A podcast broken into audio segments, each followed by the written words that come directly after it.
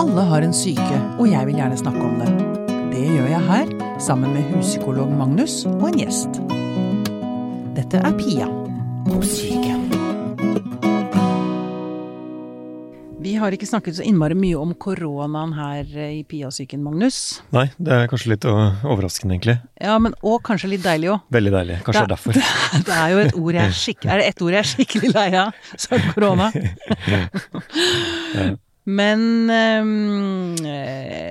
vi har jo kommet, eh, holdt på å si, ganske godt ut av det, vi i Norge. I hvert fall når det gjelder eh, dødstall. Mm. Men det kan vel hende at det er noen andre senskader vi har fått. Det, Det er mange som lurer på det, altså. det er mange som lurer på det. Ja.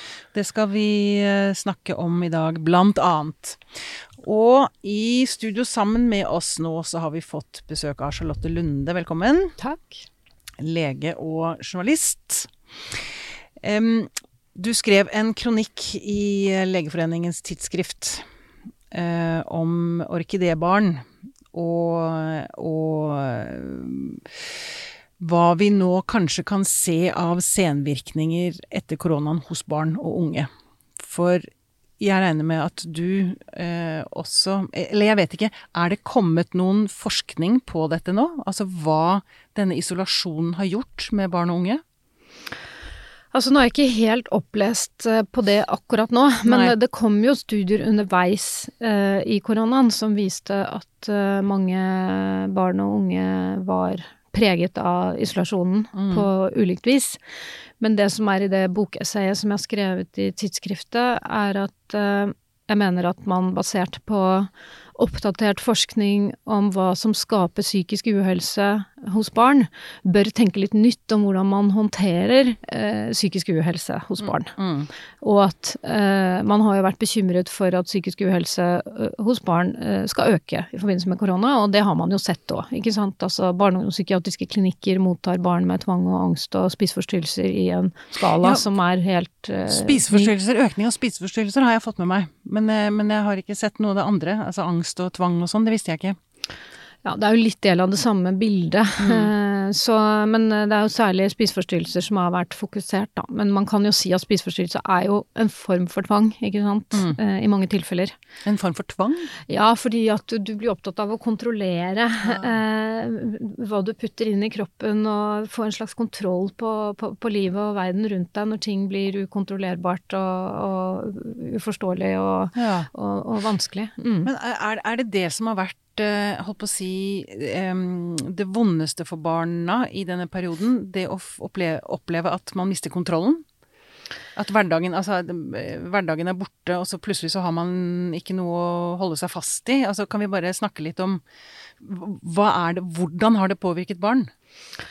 Altså, det det tror jeg det har gjort på mange ulike vis. Eh, og det er jo klart at eh, i ressurssterke familier med gode familiedynamikker, så har kanskje korona vært egentlig ganske positivt for mange, fordi at tempoet har gått ned. Og, Man har fått mer tid sammen Ja. med foreldre og ja, familien sin. og mindre Mm. stress. Mm.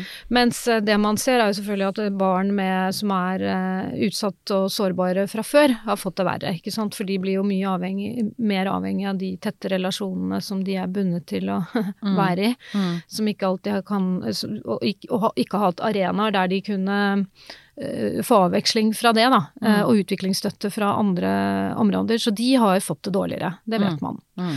Eh, Nå glemte jeg spørsmålet ditt igjen, men eh, så, så jeg tror det har jo Og det påpekte jo også den Kjøs-rapporten som kom, Mm. at det har vært eh, veldig ulikt for ulike grupper av barn. Men, men sånn veldig kort oppsummert så har de som hadde det dårlig, fått det dårligere, og de som, eh, som på en ut, utgangspunktet var ressurs, eh, hadde ressurser rundt seg, Mm. eh, ikke nødvendigvis vært så eh, hva skal jeg si, skadet eller preget av det, da. Mm, mm.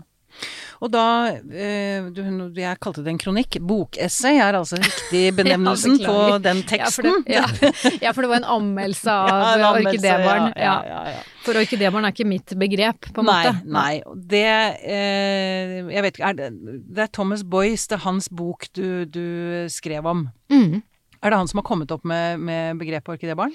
Ja, altså ifølge den boken så, så mener han vel egentlig det. Han, øh, han, forteller Han er jo en veldig um, kjent uh, pediater, altså barnelege, mm. og, og, en pioner innenfor uh, forskning på hva skal jeg si, hva det er som gjør at barn eh, trives og, og, blomstrer, da, som han kaller det i den boken. Mm. Så han kom på det begrepet eh, Jeg mener, jeg husker jeg leste, at han mener han kom på det som en kontrast til det han hørte om fra en svensk forsker som han kalte for maskerotbarn. Ja. Ikke sant? Dette med løvetannbarn, mm. for det er jo en etablert uh, sjanger, det vet vi alle hva er. Ja, nei, jeg syns vi, vi, skal snakke litt om de to begrepene, for det er ikke sikkert alle kjenner, Jeg kjenner dem, men det er ikke sikkert alle gjør det.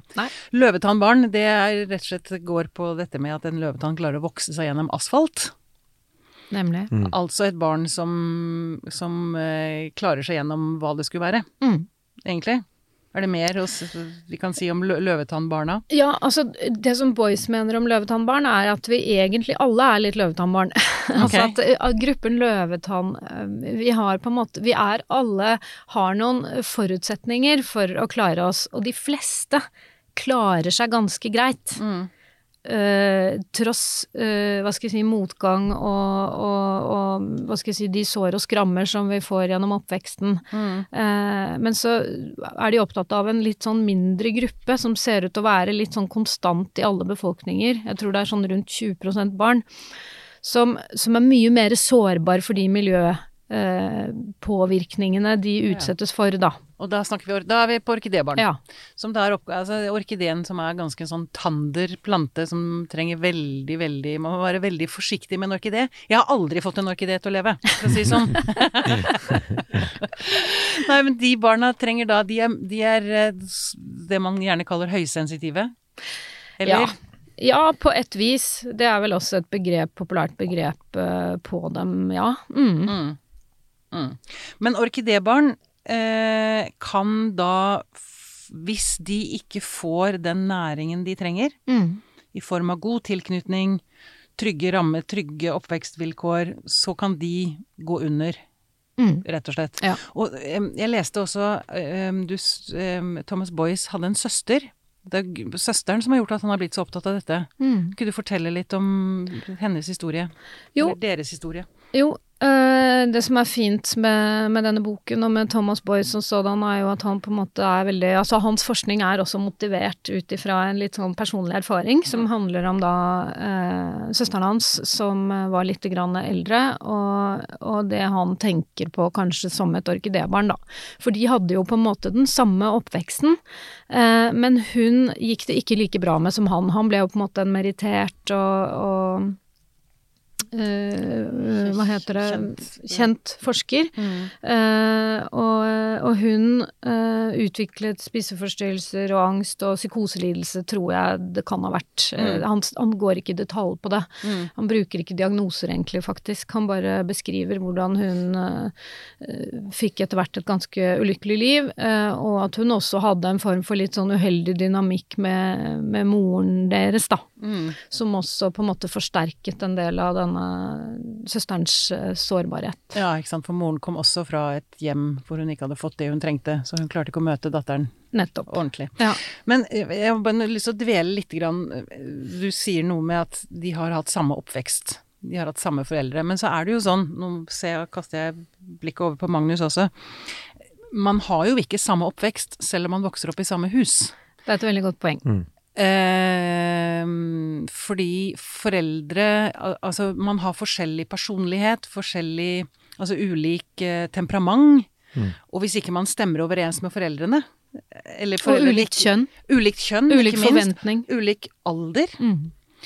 Um, kan, kan dere snakke litt jeg, jeg, jeg, tenker du, Når du Dine pasienter, for eksempel Magnus Eller først Tenker du at det kan være en del orkidébarn blant dem? Nå ser han opp i taket, for dette nå kommer et spørsmål som han ikke var forberedt på. Ja, ja, men, det er eh, greit. Men, eh, jo, jo, men altså, det er ikke noe sånn veldig fortrolig med det begrepet fra, uh, fra før, så jeg har ikke hatt det med meg i, i tenkningen min nødvendigvis på den måten. men ekstra sårbarhet, ja, ja, ja, da. ja, det er det jeg liksom leter etter, hva jeg har tenkt om det, men uh, det, det tror jeg nok. Mm. Eh, Når det gjelder det der med at man ikke har den samme oppveksten selv om man eh, er født inn i samme familie med de samme foreldrene og sånn, altså det er jo noe som heter at vi, vi skaper jo også i veldig stor grad vårt eget miljø. Mm. Eh, som gjør at den interaksjonen vi har med omverdenen og andre mennesker eh, eh, er veldig vanskelig å, og det er veldig vanskelig å holde disse statistiske påvirkningene som skjer med oss, helt sånn konstant og tenke at ja, men fordi du hadde den, en, dose, en dose Marit som mor og en dose Per som far, Mm. og så har du blitt sånn på tross av det. Det er jo ikke sånn, og det skjønner jo alle egentlig, at det er veldig naivt å drive og holde de variablene på den måten, og tenke Mm. at, det, at den påvirkningen er, skjer på den måten. Mm. Vi bringer jo med oss uh, vi bringer jo med oss et rikt sjelsliv inn i møte med verden, som, og vi trykker på knapper, og vi får svar, og Mm. måten, vi, måten vi møter verden på, preger også den feedbacken vi får. Mm. Så dette eh, Så når vi snakker om arv og miljø, eh, og, og de, de tingene der, da, så er det veldig ofte fokus på hvor komplekst eh, genomet vårt er, og hvor mye liksom, DNA er så veldig komplekst og sånn. Men miljøet er jo mye mer komplekst, egentlig. Mm. Det er det som er problemet. Det er det som gjør at, ja, altså det, hvis du kan du tenker at det er liksom, hvis du tenker at man deler opp eh, DNA da i tre milliarder basepar, og så har man, sitter Mm. man igjen med noen millioner eller noen hundretusener som er veldig relevante for vi, hva som uttrykker seg og sånn, så kan man tenke deg alle de dosene av forskjellig miljøpåvirkning, alle Mm. de små dosene vi vi, vi, vi rett og slett bare er koblet på miljøet hele tiden, Mm. eh, og det er så unikt, og det er så eh, Så det er der mystikken ligger, da, tenker jeg. Ja. Mm. Ja, det er jo i denne interaksjonen mellom selvfølgelig gener og det du er disponert for. Altså Mm. du er liksom født med en slags konstitusjon, da, for å si det. En sånn grunnleggende um, biologi, på en måte. Og så er det hvordan denne biologien blir møtt. Altså deg som menneske blir møtt. Og, og det vil jo selvfølgelig også variere fra søsken til søsken og øhm, av mange, mange, mange variabler, da. Mm. Eh, så, men det som er eh, Thomas Boys poeng, som, som jeg på en måte, hva skal jeg si, tværer litt ut i mitt essay, det er jo det at jeg tenker at dette er så komplekst at i dag når vi jobber med eh, diagnoser på barn, eh, og, og kaller dem enten ADHD og hyperaktive og urolige, eller engstelige, eller eh, Altså putter dem i små bokser, da, i Mm. forhold til hva de fremviser av symptomer, så blir dette en sånn overforenkling av hva vi her har med å gjøre. Og det er det jeg syns er interessant med Boyce, at han er opptatt av hvordan vi skal forstå hvordan denne hva skal jeg si, medfødte konstitusjonen arter seg på forskjellig vis for ulike barn, og at miljøfaktorer er så viktige for hvordan de trives og blomstrer, da. Ikke sant? Mm. Så istedenfor å, hva skal jeg si um, uh, På en måte møte et barn i et sånn slags utsnitt eh, eh, som man ofte gjør på en barne- og ungdomspsykiatrisk poliklinikk, Mm. og se på barnet akkurat hva er problemet ditt her nå, nå har dette problemet stått over tid, eh, det problemet kaller vi det og det. Eh, og så ser vi nøye på dette problemet og snakker med foreldrene dine om dette problemet, Mm.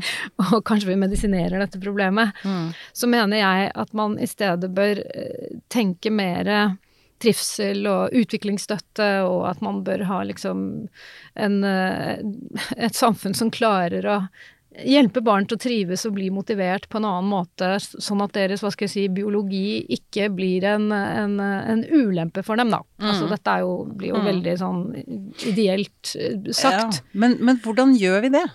Ja, hvordan gjør vi det? Det, altså jeg, jo, jeg kunne jo ikke vært mer enig. Altså noe av det siste du skriver i, i dette bokessayet ditt, er at og, altså, eh, Ekstra kanskje nå i kjølvannet av koronaen, da. Mm. Hvor kanskje, eller hvor, ikke kanskje, hvor flere barn ja, utvikler flere symptomer på Altså at, at de sliter mer. Da. Mistrivsel. Mistrivsel, ja.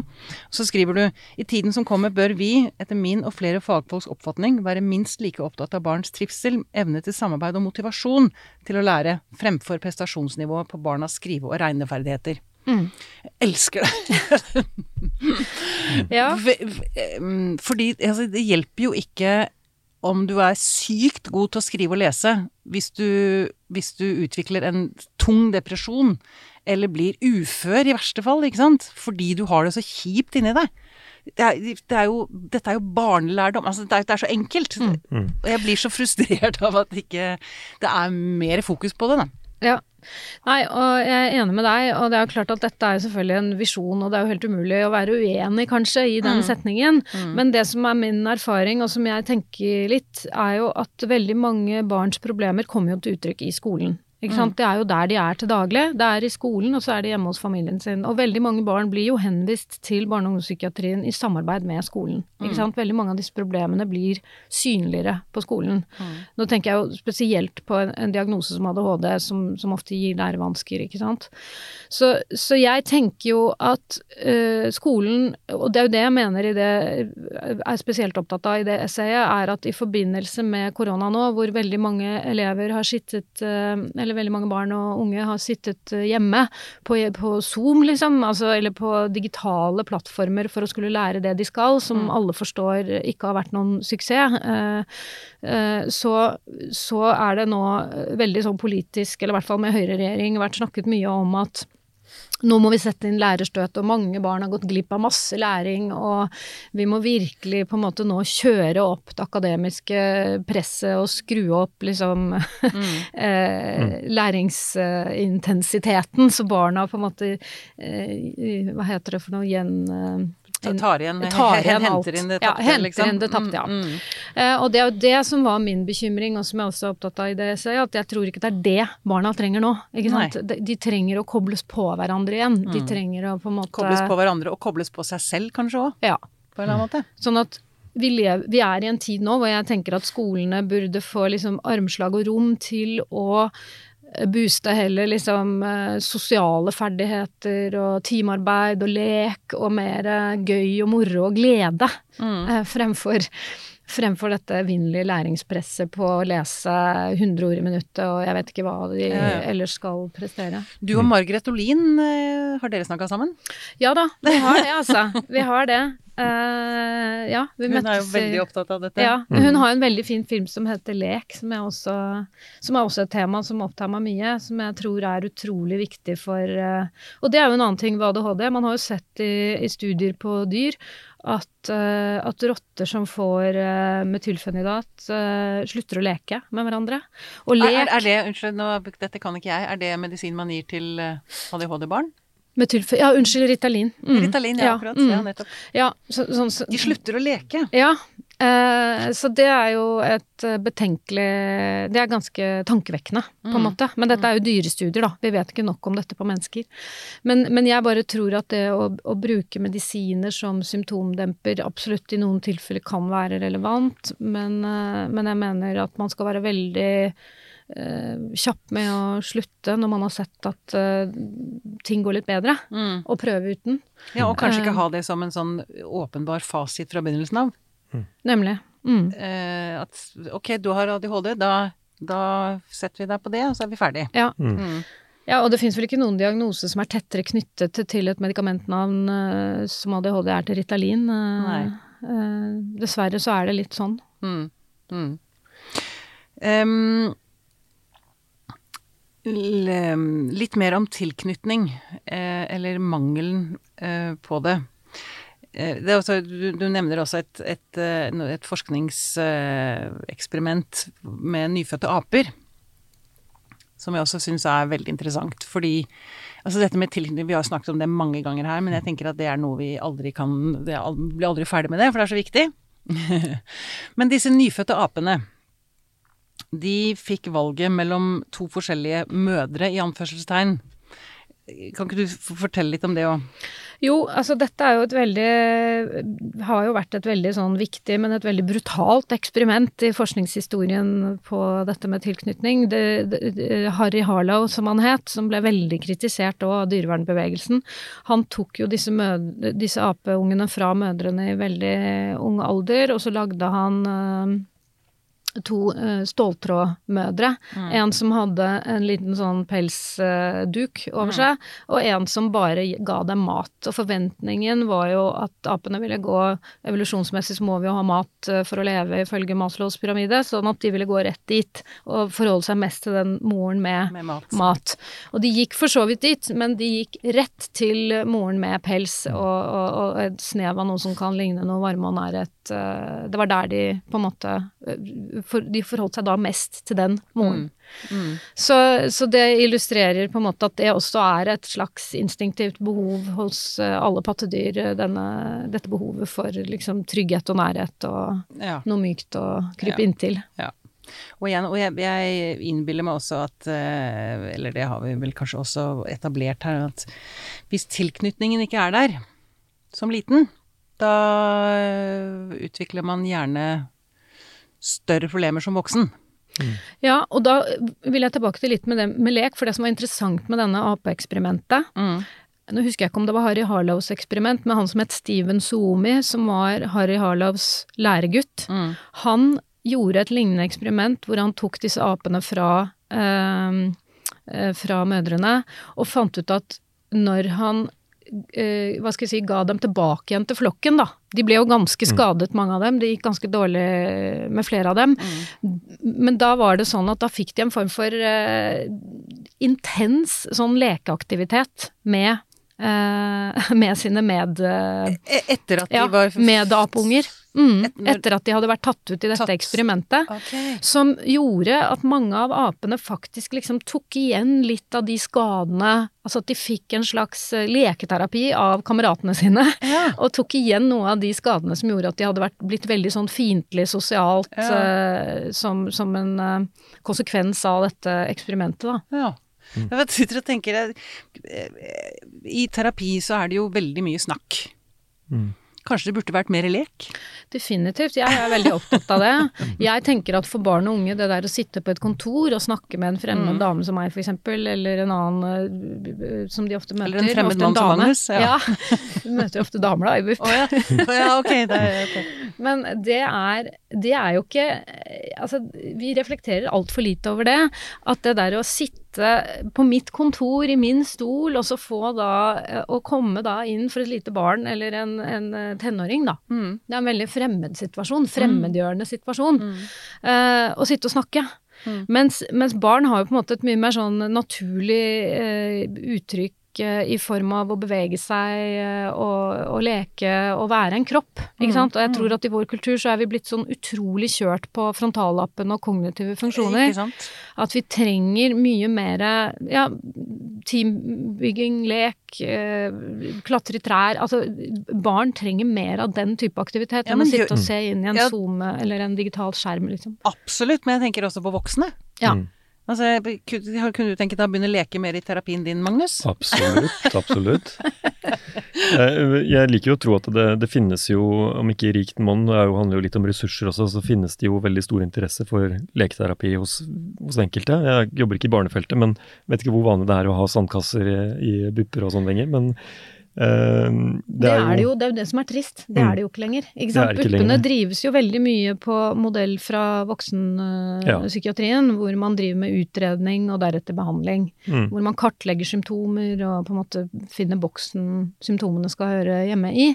Og lekerommene, som er eh, som jo er mer en slags gammel barne- og ungdomspsykiatrisk eh, behandlingsform, eller litt sånn foreldret på en måte, Mm. de legges jo mer og mer ned. Fordi det er en ressurskrevende og veldig langvarig form for behandling, Mm. dessverre. Mm. Men, eh, men veldig mange Altså de som får tilbud om det, har jo ofte gode resultater. Mm. Så det er eh, Men, men, men eh, leketerapi er jo et svært felt. Men jeg mener at det er altfor få barn og unge Eller barn, da, for det er jo ofte barn som er den eh, viktigste målgruppen for det.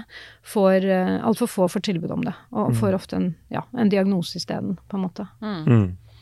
Nei, fordi det krever jo ressurser, da, som Charlotte er inne på her også. Og eh, i voksenterapi også, så vil jeg jo si at det ligger ganske mye lek i kunst- og uttrykksterapi. Mm. Eh, Det ligger ganske mye lek i eh, Det er fremdeles sånn at tilbudet, til i hvert fall visse pasienter, når de får et langvarig oppfølgingstilbud, at man også får tilbud om kroppsbevissthetstilnærminger, kunst- og Mm. uttrykksterapi, musikkterapi, Mm. vet man jo er saliggjørende for veldig mange med alvorlige lidelser. Mm. Eh, ting som spiller på noe helt annet enn frontallappene våre i det å klare å komme i kontakt både med et indre liv og med eh, relasjonelle erfaringer og Mm. eh, og mm, komme lengre. Ja. Ja, og ikke, ikke, og ikke komme i kontakt med kroppen. Det Ja. som Charlotte nevnte, det tenker jeg også. Det er, det er som om vi glemmer kroppen oppi alt dette. Ja, ja, ja. Altså, masse av psyken bor jo i kroppen vår. Mm. Ja, det er nettopp det. Vi er Mm. jo et sentralnervesystem som på en måte er en hel Mm. kropp, og ikke bare et lite hode. Og, det, og da har jeg litt lyst til å nevne en, en app som jeg har utviklet i barne- og ungdomspsykiatrien som heter Bust- Pustepause. Som er en, eh, en eh, app som jeg rett og slett har små øvelser som jeg har fått støtte av Rådet for psykisk helse til å utvikle, nettopp fordi jeg ble, litt opptatt av litt mer sånn Ja. alternative intervensjoner enn de ren medikamentelle, som handler om å koble hodet på kropp. Mm. Og være med det som er, altså kjenne på de følelsene du har, som, som ofte kan være ganske fysiske for folk. Og der har vi laget et nytt program for angstmestring, da, i denne Ja. pustepause-appen, som den heter, som er helt gratis. Er helt gratis. Ja. Og den kan foreldre der ute laste ned. Ja, Og- eller barn og Eller eller først og fremst unge. Den er utviklet for unge mellom 15 til 25, oh, ja, okay. den vi har nå. det er ikke- men det går an å bruke den som, som forelder sammen med barnet ditt også, Mm. hvis det sliter med angst. Jeg lever fortsatt i den troen at, det er, at barn ikke har mobiltelefoner, men man kan selvfølgelig laste Mm. ned der. Ja. ja, ja. Bare si at uh, i forlengelsen av det med, med disse uh, alternative uh, måtene, formatene da, for terapi, Mm. så vil jeg også si at hvis du ser på psykologer og hvilke terapiretninger de utdanner seg i Norge i dag, så er det jo veldig mange av de retningene som nettopp er opptatt av følelsenes plass i kroppen, Mm. og at det er en veldig dreining i den retning når det gjelder fokus. Mm. Så jeg, jeg, på den måten så ivaretas jo det perspektivet. Og så er det jo mer spørsmål når det gjelder barn, og, og hvordan det ser ut der. Og, om, eh, og også når det gjelder eh, eh, kapasiteten vår til å gi det tilbudet til alle pasientene som trenger det, over Mm. den tiden som er nødvendig. Mm. Eh, det er en, det er jo en litt annen debatt, selvfølgelig, men eh, Men det som er litt fint med å jobbe med pust, er jo at da kan du på en måte jobbe både på egen hånd, og du kan jobbe med terapeut. Eh, Ja. og det er jo litt av poenget med det prosjektet vårt mm, med pustepauseappen, er å jobbe med en terapeut, f.eks.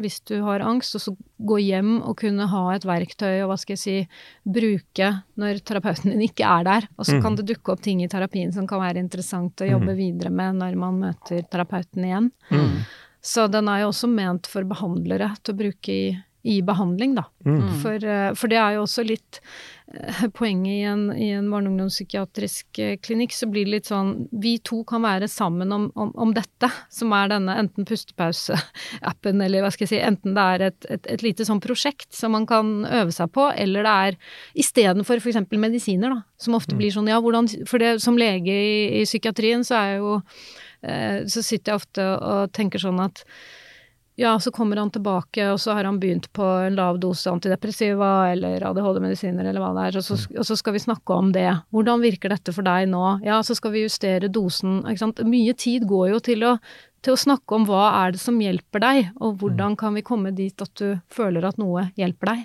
ikke sant. Selve verktøyet. Så det der å ha et ikke-medikamentelt verktøy i en terapeutisk setting er jo også en fin fin ting. Fin ting ja. Mm. jeg, bare, jeg sitter og tenker på dette med leken, jeg har hengt meg litt opp i den. For jeg, når, vi, ja, men ikke sant, når vi snakker om terapi, og kanskje spesielt når det gjelder barn og unge, da, så er det sånn da, eh, alt er så resultat man, man, man skal et sted, liksom. Det er noe med at leken er litt er, Man slipper unna det derre Nå skal du bli Altså ehm, eh, Fristed? Ja, at, at det ikke er sånn Det er ikke sånn at Altså, man har jo et mål med terapien. Man skal et sted. Du skal bli frisk, liksom. Mens i leken så kan man kanskje få lov til å bare gi fingeren til alt, og bare få lov til å være. Mm. Egentlig, men det er jo kanskje ikke terapi. Det er mer sånn vi må gjøre sjøl. Det passer litt dårlig med eh, rådende ideologier innenfor skole og helsevesen som handler om målstyring. Målstyring, ja, ikke sant. Det var eh, ordet, som, det er sånne som ord ikke- egentlig er et litt sånt eh, Hva skal man si for noe? Alle er vel enige om at man trenger å, å nå noen mål Mm. når man bruker så mye ressurser på en aktivitet som skal være helsefremmende eller Mm. eh, utdanne og sånn. Mm. Men når det, når det trekkes ned eh, på individnivå, det er der jeg tenker eh, feilen skjer, da. Mm. At man lager maler som skal brukes på individer. Og det, der, der er det jo Det er nok litt av det også som er forklaringen på hvorfor vi, hvor, hvorfor vi bakser veldig mye med dette her med kreativitet og individuell tilpasning. Mm. Fordi at vi alle snakker om at det er veldig viktig å se individet, for det at individet er unikt. Diagnosene er veldig enkle og naive. Eh, kategorier vi grovsorterer innenfor helsevesenet med. Mm. Men samtidig da så snakker jo politikere om uønsket variasjon i psykisk helsevern. På en måte som gjør at man liksom snakker om at Uønsket variasjon. Ja, altså at uh, Folk ikke får det folk ikke får et standardisert tilbud. Mm.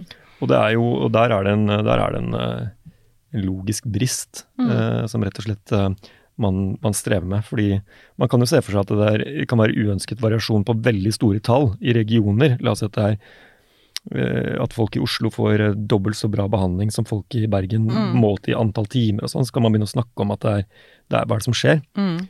Men når man begynner å, å redusere det ned på individnivå, og snakke om at det skal ikke være variasjon i depresjonsbehandling, eller det skal ikke være Så har man på en måte, så har man på en måte eh, så grovt misforstått da, det, Mm. det, det man prøver å målstyre. Mm. At man egentlig burde egentlig bare ligge litt unna, Mm. tenker jeg. Ja. Men, og det er jo akkurat det med lek, den er jo ikke målstyrbar, på en måte. ikke sant? Nei. Men den er utrolig viktig fordi at særlig for barn og unge så handler den om å eh, finne en slags indre motivasjon, ikke sant. For det er veldig mye målstyring er jo en, en ekstern eh, indikator, på en måte. Det er litt sånn hvis du får til dette, jenta mi, så får du liksom eh, en gulrot eller godteri eller gode karakterer, ikke sant. Sånn at veldig mye, jeg tror veldig mye, hva skal jeg si, psykisk uhelse hos barn og unge i dag handler om at de blir målt så mye. Det Mm. er så mye prestasjon. De får ikke rom og tid til å leke og, og jobbe nok, hva skal jeg si, med sin indre psykiske balanse, som jeg tror leken er en veldig viktig del av. Eh, og utfolde Altså, dette med indre motivasjon er man jo blitt mer og mer opptatt av, og den tror man at leken er med på å å modne, ikke sant. Det der at du får lov til å Ja, ja. prosessere verden i en slags intrapsykisk eh, modus, som du er når du leker og er inne i en sånn flow-boble. Mm. Altså vi voksne kan jo av og til kjenne det når vi er veldig motiverte av noe vi holder på med, sitter og skriver eller hører på med noe musikk eller løper eller jeg vet ikke hva, hva folk gjør, gjør, eller kreativt arbeid, da. Freud var, snakket jo om det at eh, det kreative kunstnerrommet på mange måter er liksom det samme rommet man går inn i som barn når man leker, da. Mm. At man glemmer litt sånn tid og sted og blir sånn fullstendig oppslukt av det du holder på med. Mm. Og at denne kapasiteten er litt sånn truet i dag, da. Når barn blir så målstyrt og mister et ekstra år i forhold til eh, eh, barnehage, altså seksårsreformen osv. videre Mm. At de får liksom ikke modnet sin sin, sin indre motivasjonsevne og evne til glede og styres av noe de selv har lyst og vil. Mm. For det er så mye de skal og må Mm. og bør. Jeg, jeg, igjen, for å trekke deg tilbake til voksne, jeg tror det er, gjelder mye der òg, ja. Altså, altså, det, det, det er så mye press på å være Altså nå det målet, være så flink eller så pen eller så, ikke sant. At man, man glemmer at det, altså, det er jo Det er ikke et Altså, du skal ikke Det er ikke en målstrek i- på livet. Eller det er det jo når du dør, men jeg mener, ja. Ja. Eh, jeg tror man kan Jeg kjenner med meg selv at jeg, jeg skulle ønske jeg lekte mye mer. Jeg, når, når dere snakker om det nå, så kjenner jeg lysten etter det der å bare få lov til å gjøre noe gøy, liksom. Ja, nemlig.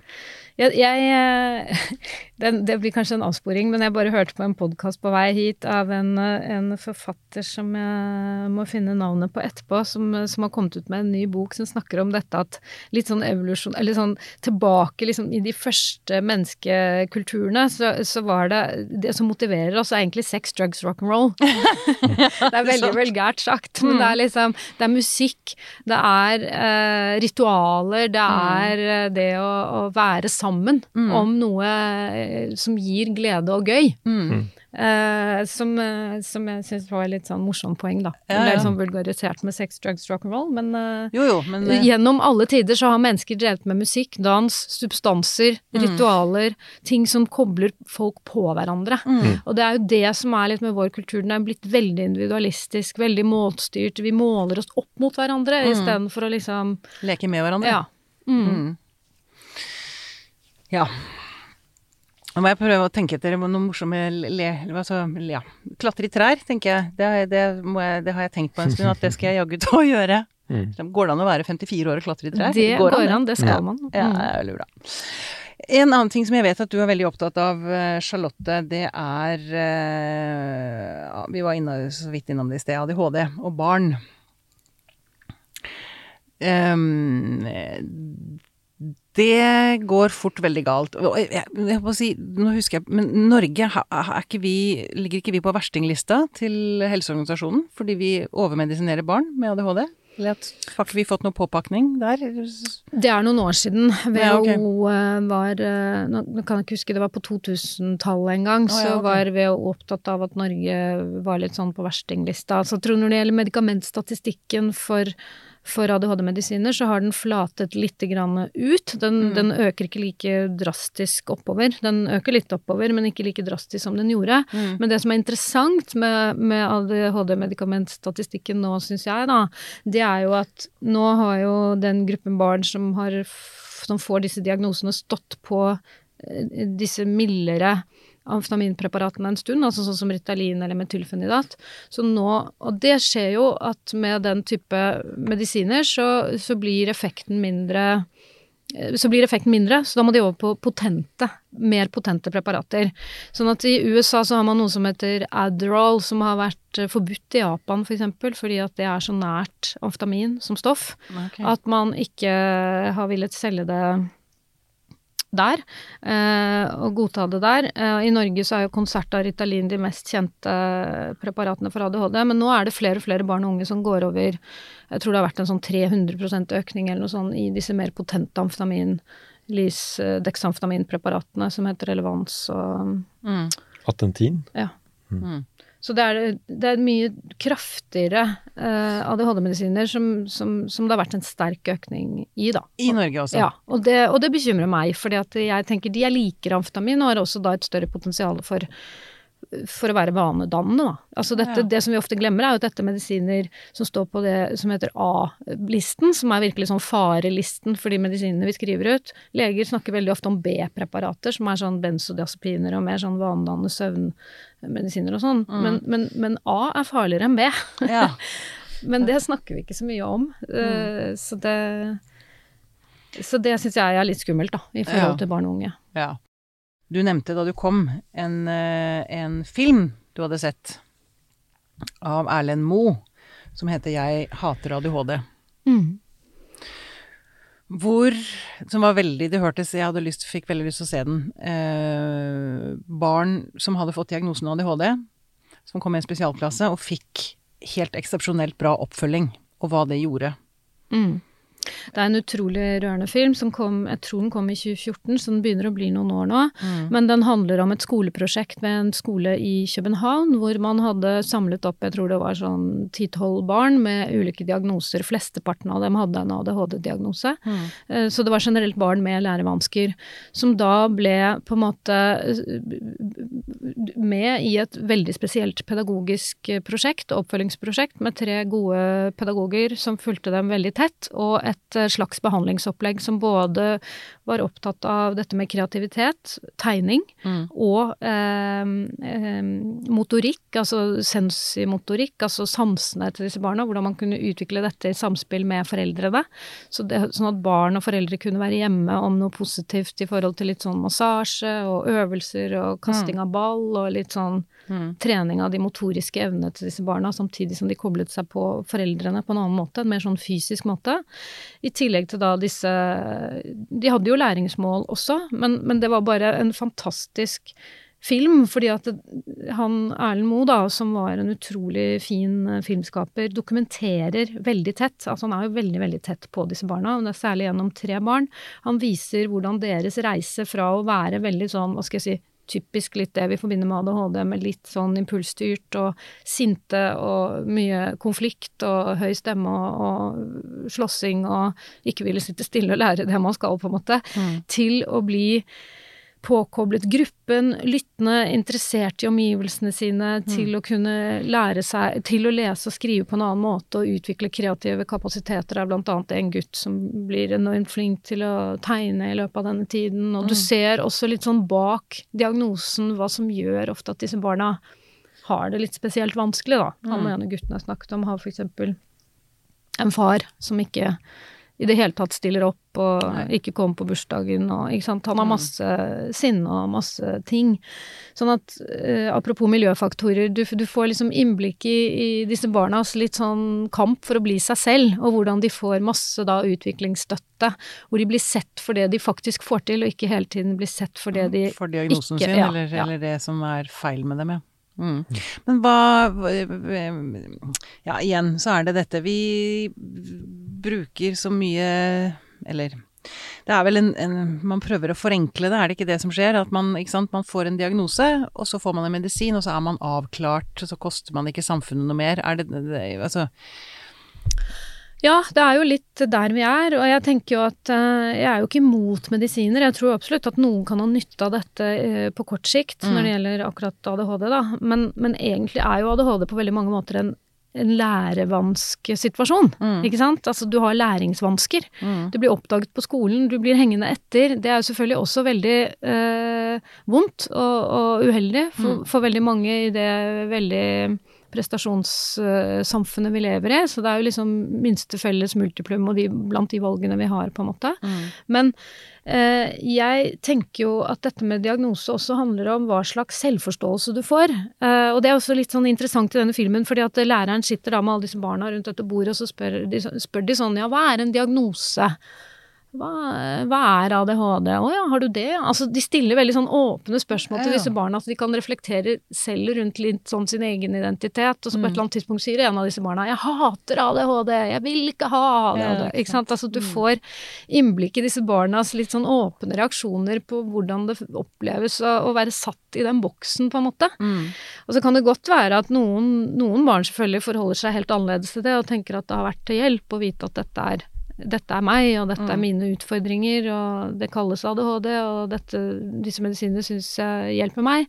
Men, men jeg tror at for mange barn i vår kultur i dag blir puttet i den sekken, og, og jeg er jo veldig redd for at uh, at det skal gi dem en, eh, en uh, utviklingshemmende effekt, da. Mm. At, at, at det rammer identiteten deres på en måte som gjør at de ikke får utfoldet det potensialet de, de, De egentlig bærer på. Ja. Mm. Har du noen tanker, Magnus, om det Charlotte sier? Det er vel Vi vet at du, du jobber med bipolare, men eh, Ja, bipolar lidelse er jo litt annerledes, altså øh, øh, Og med voksne. Mm. jeg, øh, dette med øh, Hva skal man si for noe? Det er jo paralleller her, men Mm. ikke akkurat det samme. mm. Det, det jeg ble sittende og tenke på, var kanskje, kanskje noe litt annet igjen også. men, øh, men øh, det var jo øh, dette med uh, hva vi vil ha ut av uh, skolen og behandlingsapparatet når det Ja. gjelder barn, hva vi ønsker å oppnå. Mm. Så er det jo, så tror jeg alle er enig i at uh, altså, For det, det som kan bli feil fokus for noen, og som dreper motivasjonen i skolen, er jo den tilnærmingen hvor øh, disse målene øh, gjør at det blir en modell hvor man prøver å putte kunnskap i hodet på barna, Mm. som er på en måte definert på forhånd hva de skal, hva de skal kunne og sånn. Mens vi vel mens jeg opplever jo at i kontakt med skolen selv, da, med, som småbarnsfar, er at alt det Og jeg er veldig fornøyd. Eh, og eh, alt det jeg ser at lærerne heldigvis prioriterer i Mm. møte med barna, de gode lærerne prioriterer i møte med barna, det er jo å holde, å holde liv i den der nysgjerrighetsflammen eh, til barnet. Ja. Og, og dyrke det, dyrke det, indi- det individuelle. Mm. Og, og la seg overraske av barna. Ikke liksom bli, bli provosert over at ikke de ramser opp den, den kunnskapen de er blitt bedt om. Mm. Eh, Og det håper jeg, da, eh, som et sånt perspektiv, både i behandling av barn, men også i, i skolen. At, det, at, de, at de som faktisk møter barna, eh, at det er det de faktisk eh, Det er det perspektivet de har eh, sterkest, da. Mm. Og så vil det være byråkratiske føringer som, eh, som sier noe om at liksom, hva som er målet og sånn, men Og det er jo politikk. det er politikk. Og den politikken har i mange år Altså, jeg mener jo personlig at den har vært veldig opptatt av effektivitetskrav og, og tredd, hva skal jeg si, retningslinjer ned både over behandling, altså helsevesenet og skolevesenet, på en måte som jeg tror er uheldig for barns eh, utvikling, da. Mm. Eh, så håpet er jo at kanskje med, med, andre En annen politikk nå, en annen skolepolitikk Jeg ser jo at det er ønske om en annen skolepolitikk nå som, som mer, gir mer frihet både til lærere og til helsepersonell, faktisk. Mm. I forhold til hvordan de skal møte individuelle, eh, den individuelle pasienten og det individuelle barnet på skolen har, eh, har en litt annen uh, sang nå enn en, en det var med forrige. Mm. Så vi kan jo håpe at at det vil bli et litt mer fokus på dette med ja, indre motivasjon og lek, og at ikke alt skal være så effektivitetsorientert og Og jeg, og jeg lurer da på om hvis, hvis, man kommer dit, i, i, den mer ideelle verden som du beskriver, Charlotte, at man da kanskje ikke får like stort behov for å diagnostisere barn med Altså, vi, vi snakket også om det før vi gikk inn her i studio, om, om eh, da de begynte å diagnostisere barn med bipolaritet i USA. Eller det har man kanskje begynt med i Norge, og det vet jeg ikke. Men Nei, man det, det. Nei, man gjør ikke det. Nei, det er jeg veldig glad for å høre. Men det fikk jo ganske til dels fatale konsekvenser. Um, ja, det er så det er, ja, dette med at ok, du passer ikke inn i den lille firkanten vi har bestemt at vi skal ha, så da er du syk. Mm. så det blir liksom så mm. Åh, det er så Jeg blir så lei meg av det. Mm. Ja, men, og, men, det jeg tror nå lite grann, som jeg i hvert fall har hørt har vært sagt som politiske løfter, det er jo det at man skal tenke mye mer sånn førstelinjebasert, ikke sant. Altså, mm. Altså det er veldig Jeg tror at man har hatt Altså det er eh, noen som virkelig strever, som absolutt trenger hjelp i spesialisthelsetjenesten, men det mm. er veldig mange som ikke hører hjemme der, som blir henvist dit fordi at skolen er overbelastet, og fordi at mm. systemet eh, ikke klarer å ta hånd om de som på en måte faller utenfor mm. der, da. Mm.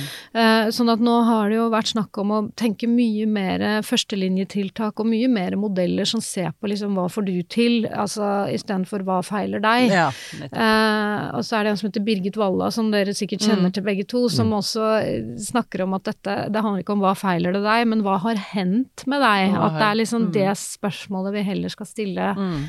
Hvordan kan du få det bedre? Altså, mm. ikke sant Gi eh, Gå inn i problemene på en litt annen måte. Ja. Mm. mm. Litt tilbake til uh, orkidébarna, eller uh, de som Ja, de sårbare. Jeg har lyst til å snakke om det sitter kanskje lyttere der som tenker at de kan ha et snev av orkidébarn i seg, eller at ja, de fikk ikke det de skulle da de vokste opp. Og de har vært gjennom en tøff koronaperiode.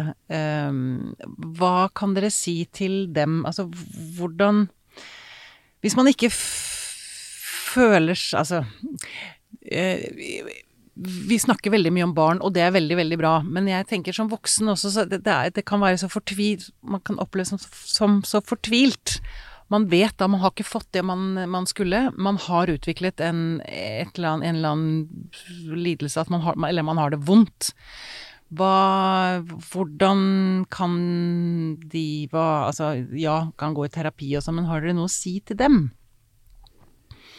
Som, som, råd, tenker du? Eller ja, som eller som bare gi dem Altså gi Jeg har liksom lyst til å pakke dem inn litt. Mm. I en varm dyne av ord. ja. ja. Det er For det Ja. Det er, det er vanskelig å liksom si noe generelt så generelt til, mm. til, det ulike strevet Men bare det at vi ser dem, jeg, jeg mm. tenker at det ja. bare det har en Nei, jeg tenker at, altså, For det første så tenker jeg jo at Thomas Boys bok som heter 'Orkidebarn', er en god leseropplevelse. Den kan ja, gi noen også innsikter. Også for et, et voksent og Ja, ja, ikke minst. Altså, den er jo en absolutt voksen Den er jo ment for et bredt marked, den boken. Mm, så det er en god bok. Det er en spennende bok å lese om, om, om hva som ligger i det begrepet. Mm. Uh, og mye å, å, kjenne seg igjen i. Og så tenker jeg det derre å Altså, jeg tror jo mer og mer på dette med å, å koble seg på andre mennesker mm. er så utrolig viktig for vår psykiske helse. Det har vi jo sett gjennom korona, hvor utrolig flokkdyr vi egentlig er. Og at det der å prøve å liksom Men det kan være så vanskelig, tenker ja, jeg. Hvis man vanskelig. da ikke har hatt tilknytning som liten. Ja, ja. Så det er jo akkurat det man sliter med som voksen. Og så blir det bare bekreftet igjen og igjen og igjen at mm. jeg er ikke elskbar. Mm. Fordi jeg får ikke kontakt med andre, eller jeg føler meg ikke vel sammen med andre, eller ikke sant.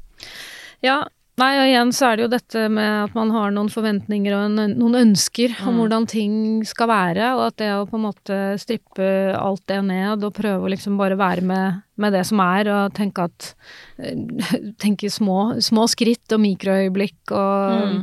Natur og ja. Mm. Eh, ta litt imot det du får, istedenfor å tenke Altså Picasso sa en gang 'jeg leter ikke, jeg finner'. Ah, Syns jeg er fint sagt. ja, for da kommer livet mot deg, eller da tar Ja. du imot det som kommer, liksom, istedenfor at du skal til et eller annet sted. Eller Mm. skal Ja, finne ja, et eller annet ja, det er sted. Ja, det er godt sagt. Mm. Veldig bra. Veldig bra. Vi ser jo, jeg vet ikke om du har vært opptatt av det, men vi ser jo nå, eh, apropos dette med psykisk uhelse hos barn, og et alvorlig tegn på det, det her med å trekke seg unna andre mennesker. Mm. For det er jo noe av det vi tenker er noe av det mest alvorlige. Altså når folk begynner å Isolere seg. isolere seg, slutte, å- slutte å være interessert Mm. i å ha kontakt med omgivelsene. og Slutter å ha det der begjæret etter den kontakten med andre mennesker, Mm. som er veldig vitaliserende, og som er veldig Så har man jo det fenomenet som heter hikikomori i Japan, Mm. som er, disse, som er liksom basert på denne, denne tendensen noen, stort sett unge gutter, da, har til å eh, gå inn i en digital verden, gaming, Ja. eh, og, og være veldig opptatt av å skjerme seg, skjerme seg mot omverdenen, Mm. så, som er veldig sånn sterk. Mm. Og jeg så nå at det fenomenet begynner man å se i Norge. I, Ja. I så stor grad at man snakker om det, at det begrepet brukes av visse som møter ungdom i, i, i Norge også. ja. Eh, så så Og, og, det, Og da- ja, for, for det, og det er ikke bra. Det er det vi, du sier. Altså, veldig, det, det, det er veldig- veldig, veldig skummelt, eller Det kan jo også være et resultat av korona på mange måter. Ikke sant. Mm. Det er jo nå eh, det har kommet frem i forbindelse med korona, tror jeg at noen ser det litt i sammenheng med det. Mm. Og så så jeg bare at i Japan så har jo løsningen vært der, eller for noen da, har vært at eh, det er noen som eh, ikke profesjonelle, men eh, kvinner, eh, unge kvinner som eh, har, eh, selger tjenestene sine som å være, med å, ved å være søster til en sånn hikikomori. Søster, Ja, altså! så en slags søster. Så de kommer, da, de, de, de kommer da hjem og setter seg utenfor døren og sier at eh, 'hei, jeg, er søsteren din', eller Jeg er ikke helt sikker på hvordan de eh, driver dette her. De har, de, de har ingen metode, da. Hun, hun jeg så intervjuet om dette, hun, hun sa det er ingen metode, det er bare det at jeg er som den søsteren som insisterer på å få ha kontakt med han og Ja. prøve å få han ut på, ut på en tur, bare Ja. gå ut en tur og sånn. Mm. Og at det hadde en veldig god effekt. Da, på noen Det er veldig interessant. Det gjelder å liksom rykke, rykke dem litt ut av liksom det digitale, den Mm. digitale hverdagen og isolasjonen. Mm. Men, men der har jeg lyst til å fortelle om noe jeg var med på. For to år siden så var jeg med på noe som het villmarksterapi. Ja. Og han eh, som eh, tok med ungdommer på villmarksterapi, var jo nettopp den type ungdom som hadde sittet og gamet nede i kjelleren eh, hos mor og far i ja. årevis, eller i hvert fall lenge, ikke vært på skolen på mange måneder, og selvfølgelig vært henvist til BUP, men ikke villet gå dit, og ikke ville noen ting, egentlig. Og der var jeg med i en runde med noen ungdommer som hadde ulike problemer, og som tidligere hadde vært innom psykiatrien, og som, apropos dette med kropp, virkelig på en måte lærte seg både å koble Her var det bålsråd, man satt rundt et bål hver kveld og oppsummerte litt sånn dagen. Man, man gikk, man samarbeidet om ting, man måtte sette opp teltet sitt. Man ble en kropp, man var ikke bare en liten sånn kognitiv eh, liten tenketank. Mm. eh, men var nødt til å forholde seg til elementene, ikke sant. Mm. Eh, du var sulten, du fryser, hva gjør du? Ja, du må sette opp teltet ditt, du må Ja. tenne et bål, du må Ja. finne deg noe å spise. Altså du, du- så, så natur, apropos det du spurte om i sted, Mm. er jo også en slags Er jo også et sted hvor vi mennesker kan finne en ro og en, en, en Som kan ha en helende Mm. effekt, da. Mm. Mm. Veldig bra. Mm. Veldig bra. Er det noe dere har lyst til å føye til på slutten? Ja, ja, altså jeg tenker jo både lek og natur er, eh, er på en måte temaer som kan ha helende effekt, og som jeg tenker er viktigere enn veldig mye av hva skal jeg si, det mer sånn medikamentorienterte behandlingsregime som, som fins i dag, da. Det går jo inn i Det siste der går jo inn i noe jeg, noe jeg også er litt sånn opptatt av, det der med mm, eh, perspektiver på hva er det som skaper depresjon i den moderne verden, og Mm. fremmedgjøring. Mm. Eh, så er det jo perspektivet på da at det som, det som er bra som skjer i naturen, foruten det at vi bare har noen gode, gunstige effekter av å eh, være i naturen, Mm. altså som, eh, som bare ved å passe opp, oppholde oss der, er jo også noe med at natur Altså ved å, opp, ved å bevege seg i naturen og være uten alle disse bekvemmelighetene vi har i det moderne samfunnet, så, så gir omgivelsene oss tilvæ- gir omgivelsene eh, tilværelsen en helt naturlig mening. Du må sette opp teltet. Du Ja, må hente ja, deg vann. Det er ikke spørsmål om hva er meningen med livet mitt, hva er meningen med tilværelsen. Du må ikke- ut av gruveområdet. du du, du, må, du må jakte, du må beskytte deg, du må, Du må- være sammen med, du må være sammen med dine medmennesker og ta vare på de, for de trenger din hjelp. Mm, Så man får en avhengighet av hverandre. mm. Og alt dette er jo ting som på en måte Du blir dyttet ut av grublemodus helt naturlig, på en måte. Mm. Ja, og så Mm. blir du mm. naturlig avhengig av dine med, Mm. medmennesker. Mm. Du kan ikke du kan liksom ikke sitte og få takeaway på døra med som en hikikomori. Eh, Det er liksom ikke et alternativ. Nei, Og du, du er avhengig, du tvinges til å være sammen med dine medmennesker og håndtere alle deres sider. Mm. Og det er jo det er mange som er opptatt av dette her nå, med Ja, at det går mye mer i den retning av at vi ikke lenger er like avhengige av hverandre. Og Mm. at vi kan velge, Mm. selv om vi kobles på via det digitale nettverket som Harari er veldig opptatt av, eh, Yuval Harari er opptatt av, så kan vi på en måte velge vekk mennesker som er brysomme, Mm. og velge et nettverk av bare Mm. ekkokamre, eller hva man skal kalle det. ja, ja, ja. Og Hararis Mm. poeng da, er jo at det er ekstremt lite sosialt utfordrende å ha det på den måten, og veldig skummelt, fordi eh, sånn som der han bor i Israel, han kan, ikke, han kan liksom ikke trykke og så gå naboen vekk. Han må forholde seg til naboen sin. Mm. De må liksom bli enige om gjerde og hekk og altså, jeg, vet, jeg vet ikke hva Mm. de må bli enige om, men han må forholde seg til de menneskene som er i umiddelbar nærhet. Mm. Så på tross av at vi er koblet på en diger verden, så får ofte folk en enklere, mindre motstand da, eh, enn det som man ville naturlig fått, ved at Mm. man må forholde seg til alle de menneskene som er rundt. Mm. Som jeg syns er, som er eh, stort og hinsides Ja, ja, det men eh, det er, en, det, er en, det, er en, det er en utarming av mening i tilværelsen da, som mange Mm. kan eh, føle på, av de som isolerer seg og i, Mm. faller inn i den, i den verden. Mm. Mm. Ja. Det er så, altså dette nettet det er jo så fragmentert også nå, alt sammen. Altså er, vi ser ikke på de samme tingene, vi hører ikke på de samme tingene, vi leser ikke de samme altså, Og det er så utrolig mye å forholde seg til der ute, som eh, kan slite ut noen og enhver.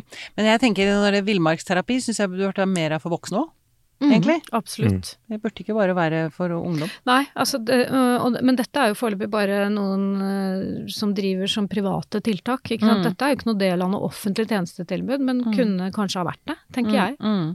Mm. Mm. Nettopp i lys av det du sier, at det der å, å både koble seg på egen kropp og lære noe om samarbeid og andre mennesker i en Ja, ja, ja. kontekst du ellers ikke er i, og over tid, ikke minst. For Mm. det der å være, være et sted en ukes tid er noe helt annet enn å gå til en poliklinikk en time i uken. Det øh, er noe med det. Det er Mm. noe med det. Det er noe med det.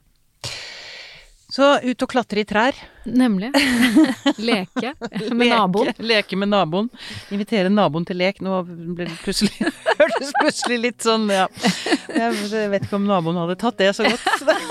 Det er det som er utfordringen, da. Har du, hei, har du lyst til å ha med ut i leke? Det er bra. Det er bra. Tusen takk for at du kom til oss, Charlotte Lunde. Takk for at jeg fikk komme.